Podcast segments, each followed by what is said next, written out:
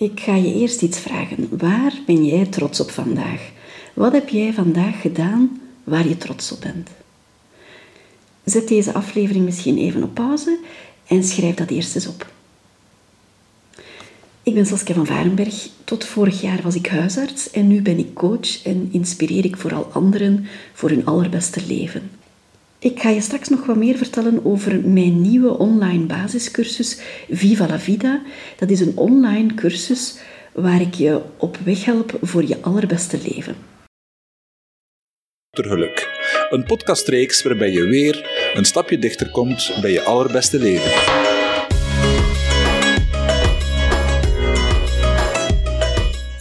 Welkom in deze nieuwe aflevering van de podcast van Dr. Geluk, waar je ook ligt, waar je ook bent. En als je onderweg bent, hou het dan veilig.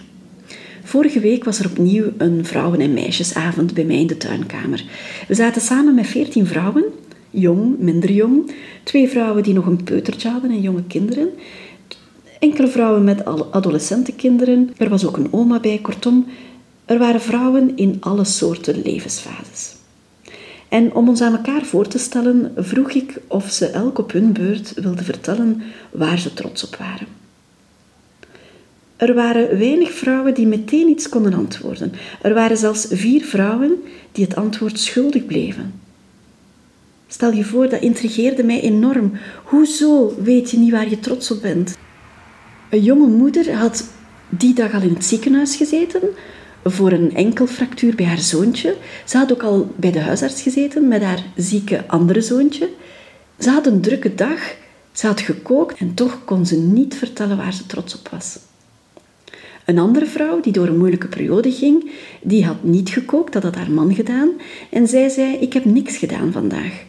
Nochtans was ze uit de zetel geraakt, nochtans had ze zich klaargemaakt en was ze s'avonds nog op weg gereden om die vrouwen- en meisjesavond te volgen. Ze had aan zelfzorg gedaan en toch kon ze niet zeggen waar ze trots op was. Ze voelde zich waardeloos. Hoe is dat toch mogelijk dat we onszelf zo weinig kunnen bevestigen? Een vrouw zei: Ja, van iemand anders zie ik dat wel, maar van mezelf kan ik dat zo moeilijk zeggen. Dus hoe hoog leg jij de lat voor jezelf? Niet voor iemand anders, maar voor jezelf.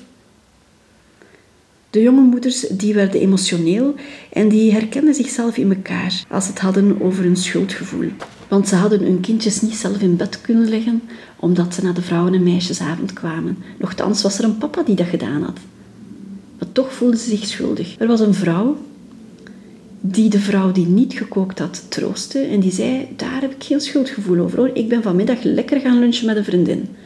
Maar twee minuten later zei ze, ja, ik had dan een dutje gedaan in de zetel, maar toen mijn dochter binnenkwam ben ik wel recht gesprongen, want dan zou ik mij wel schuldig voelen. En andere vrouwen beaamden dat. Ja, ik doe ook een dutje. Maar als er iemand binnenkomt of mijn man werkt van thuis, dan doe ik dat niet hoor. Dan durf ik dat niet doen. Dan voel ik mij schuldig.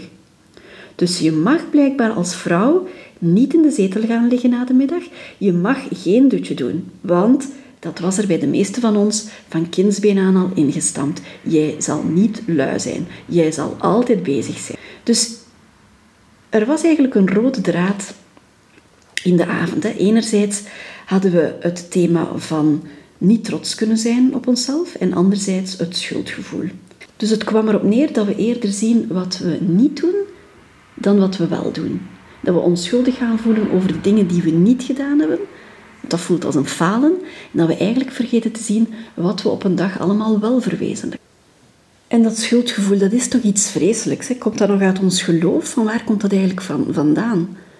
Is dat terecht dat je een schuldgevoel hebt?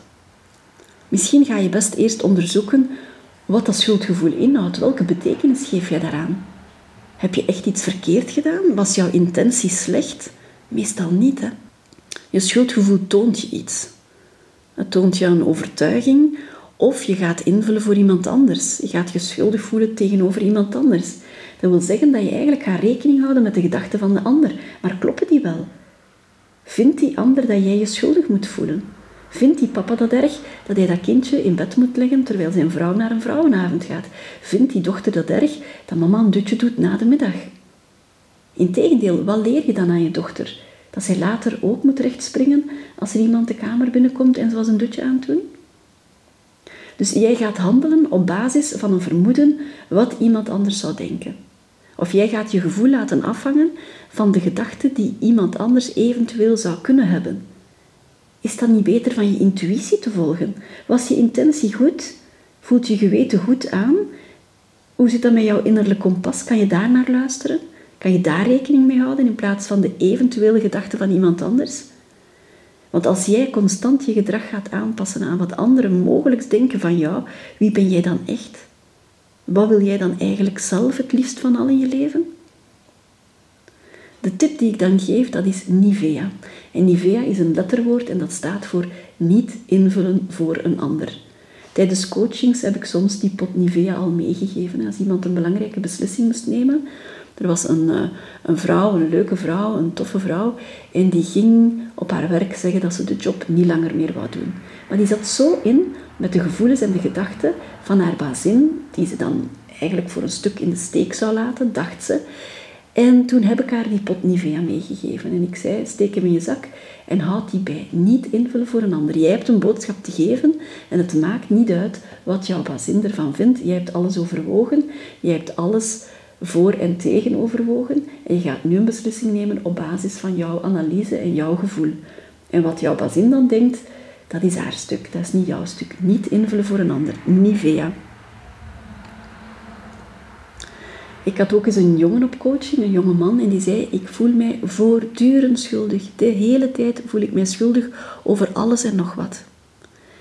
En toen deed ik met hem een oefening. Ik gaf hem een rugzak en ik stak die helemaal vol. Helemaal vol.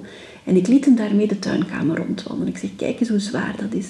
Jij hoeft dat niet te dragen, maar jij draagt dat. Allemaal stukken van een ander, allemaal onterechte gevoelens die jij niet hoeft te hebben, die draag jij voortdurend met jou mee. Hoe vermoeiend is dat? En om de rugzak nog wat zwaarder te maken, stak ik er een sneeuwbol in. Je weet wel, zo'n bol waar, als je ermee schudt, waar die sneeuwvlokken zo op en neer gaan en waar je dan een tijdje moet mee wachten voor de sneeuwvlokken zijn neergedaald. Hè. Ik stak die zware bol in zijn rugzak om hem nog wat zwaarder te maken. En op een gegeven moment zei ik hem van, weet je wat, zet die rugzak nu eens neer en voel hoe het is om zonder die rugzak te zijn. En hij zet die rugzak met een plof neer en wat raad je? Die sneeuwbol die breekt. Al het water met al die glitters, dat loopt in de tuinkamer over die parketvloer.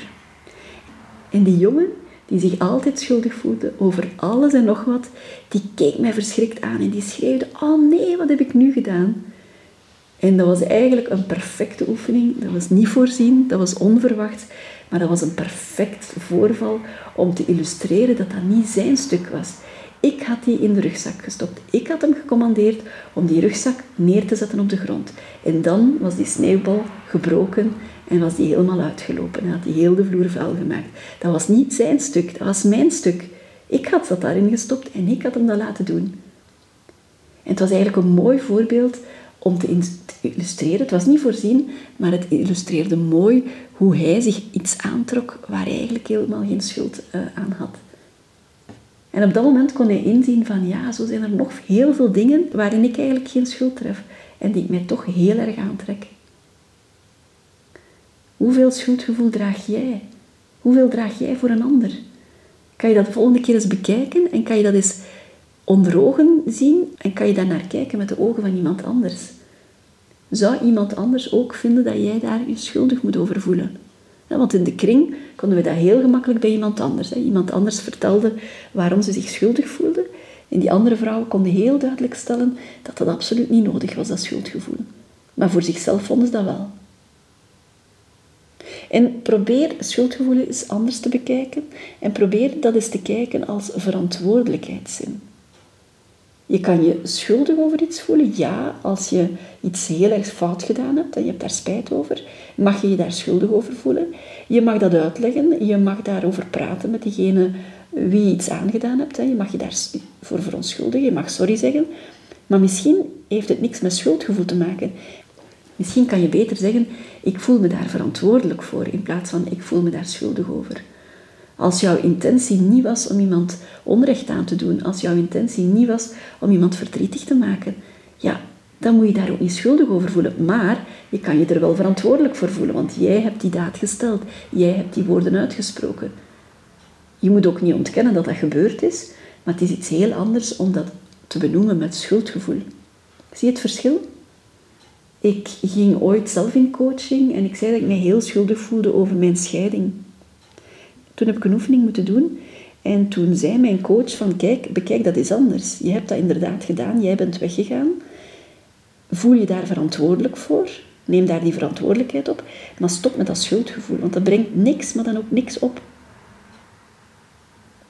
Dat is ook een stuk van de ander, om zich daar slecht over te voelen, om dat jammer te vinden.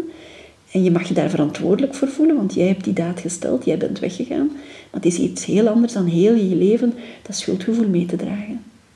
En kijk eens in jouw leven, waar voel jij je allemaal schuldig over? Analyseer dat eens. Is dat terecht of is dat niet nodig? Misschien is die ander al heel lang vergeten waar jij je schuldig om voelt. Misschien vindt die ander dat helemaal niet erg. Zit jij met dat gevoel? Die vrouw die zich schuldig voelde over die papa die de kindjes in bed ligt, dat was helemaal niet nodig. Als vrouwen eens niet koken, dan hoeven ze zich niet echt schuldig te voelen daarover hoor. Die familie, die rest van het gezin vindt dat misschien helemaal niet erg dat er eens boterhammen gegeten worden of dat er eens naar de frituur kan gegaan worden. Maar jij als vrouw voelt je daar misschien schuldig over. Of jij als man. Als man kan je ook een schuldgevoel hebben. Maar het viel me heel erg op tijdens die vrouwenavond hoeveel schuldgevoel daar hing. Over alles en nog wat. Over kleren die niet gestreken werden. Over eten dat niet gekookt werd. Over tijd die niet gespendeerd werd. Met wie dan ook. Kijk eens voor jezelf wat dat opbrengt, dat schuldgevoel. Het leert jou iets. Hè? Het leert jou misschien om de volgende keer grenzen te bewaken. Het leert jou misschien om de volgende keer te vragen wat je nodig hebt. Het leert jou een les. Volgende keer moet je dat niet meer doen, want je hebt je daar slecht over gevoeld. Of je hebt anderen daarmee leed berokkend. Je moet dat niet meer doen in de toekomst. Dat is de les die schuldgevoel jou leert. Maar wees tegelijkertijd ook mild voor jezelf. Hè. Wat brengt het op om dat schuldgevoel jaren en jaren mee te dragen met jou?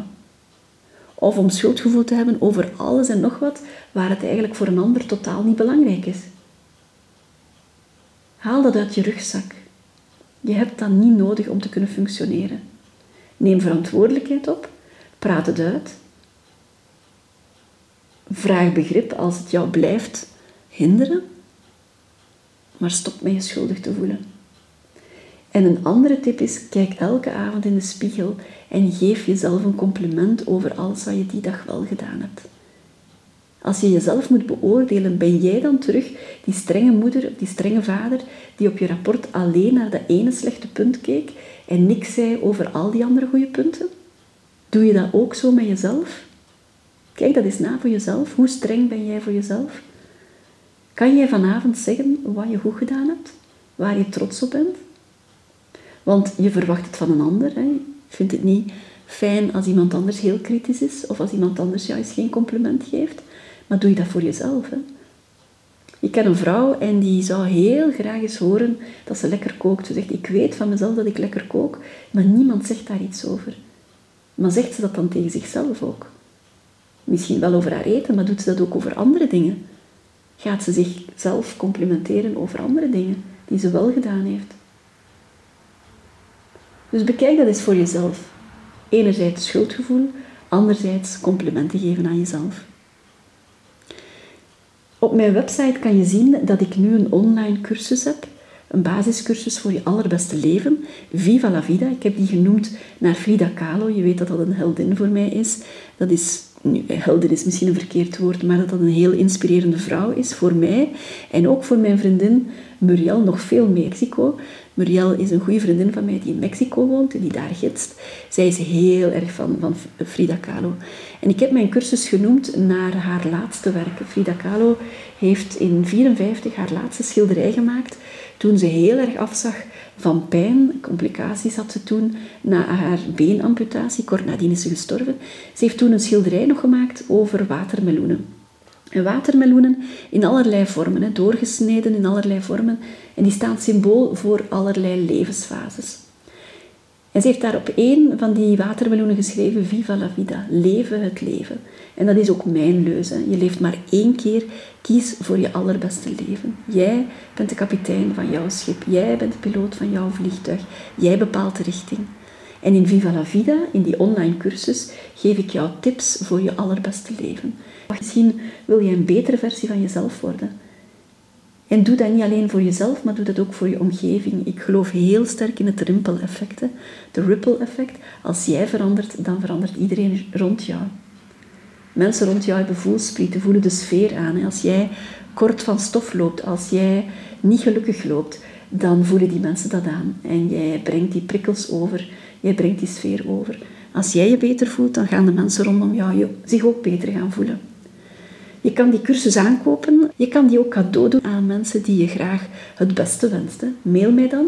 Stuur mij een persoonlijke boodschap voor wie die cursus bedoeld zou zijn. Naar wie die moet gemaild worden.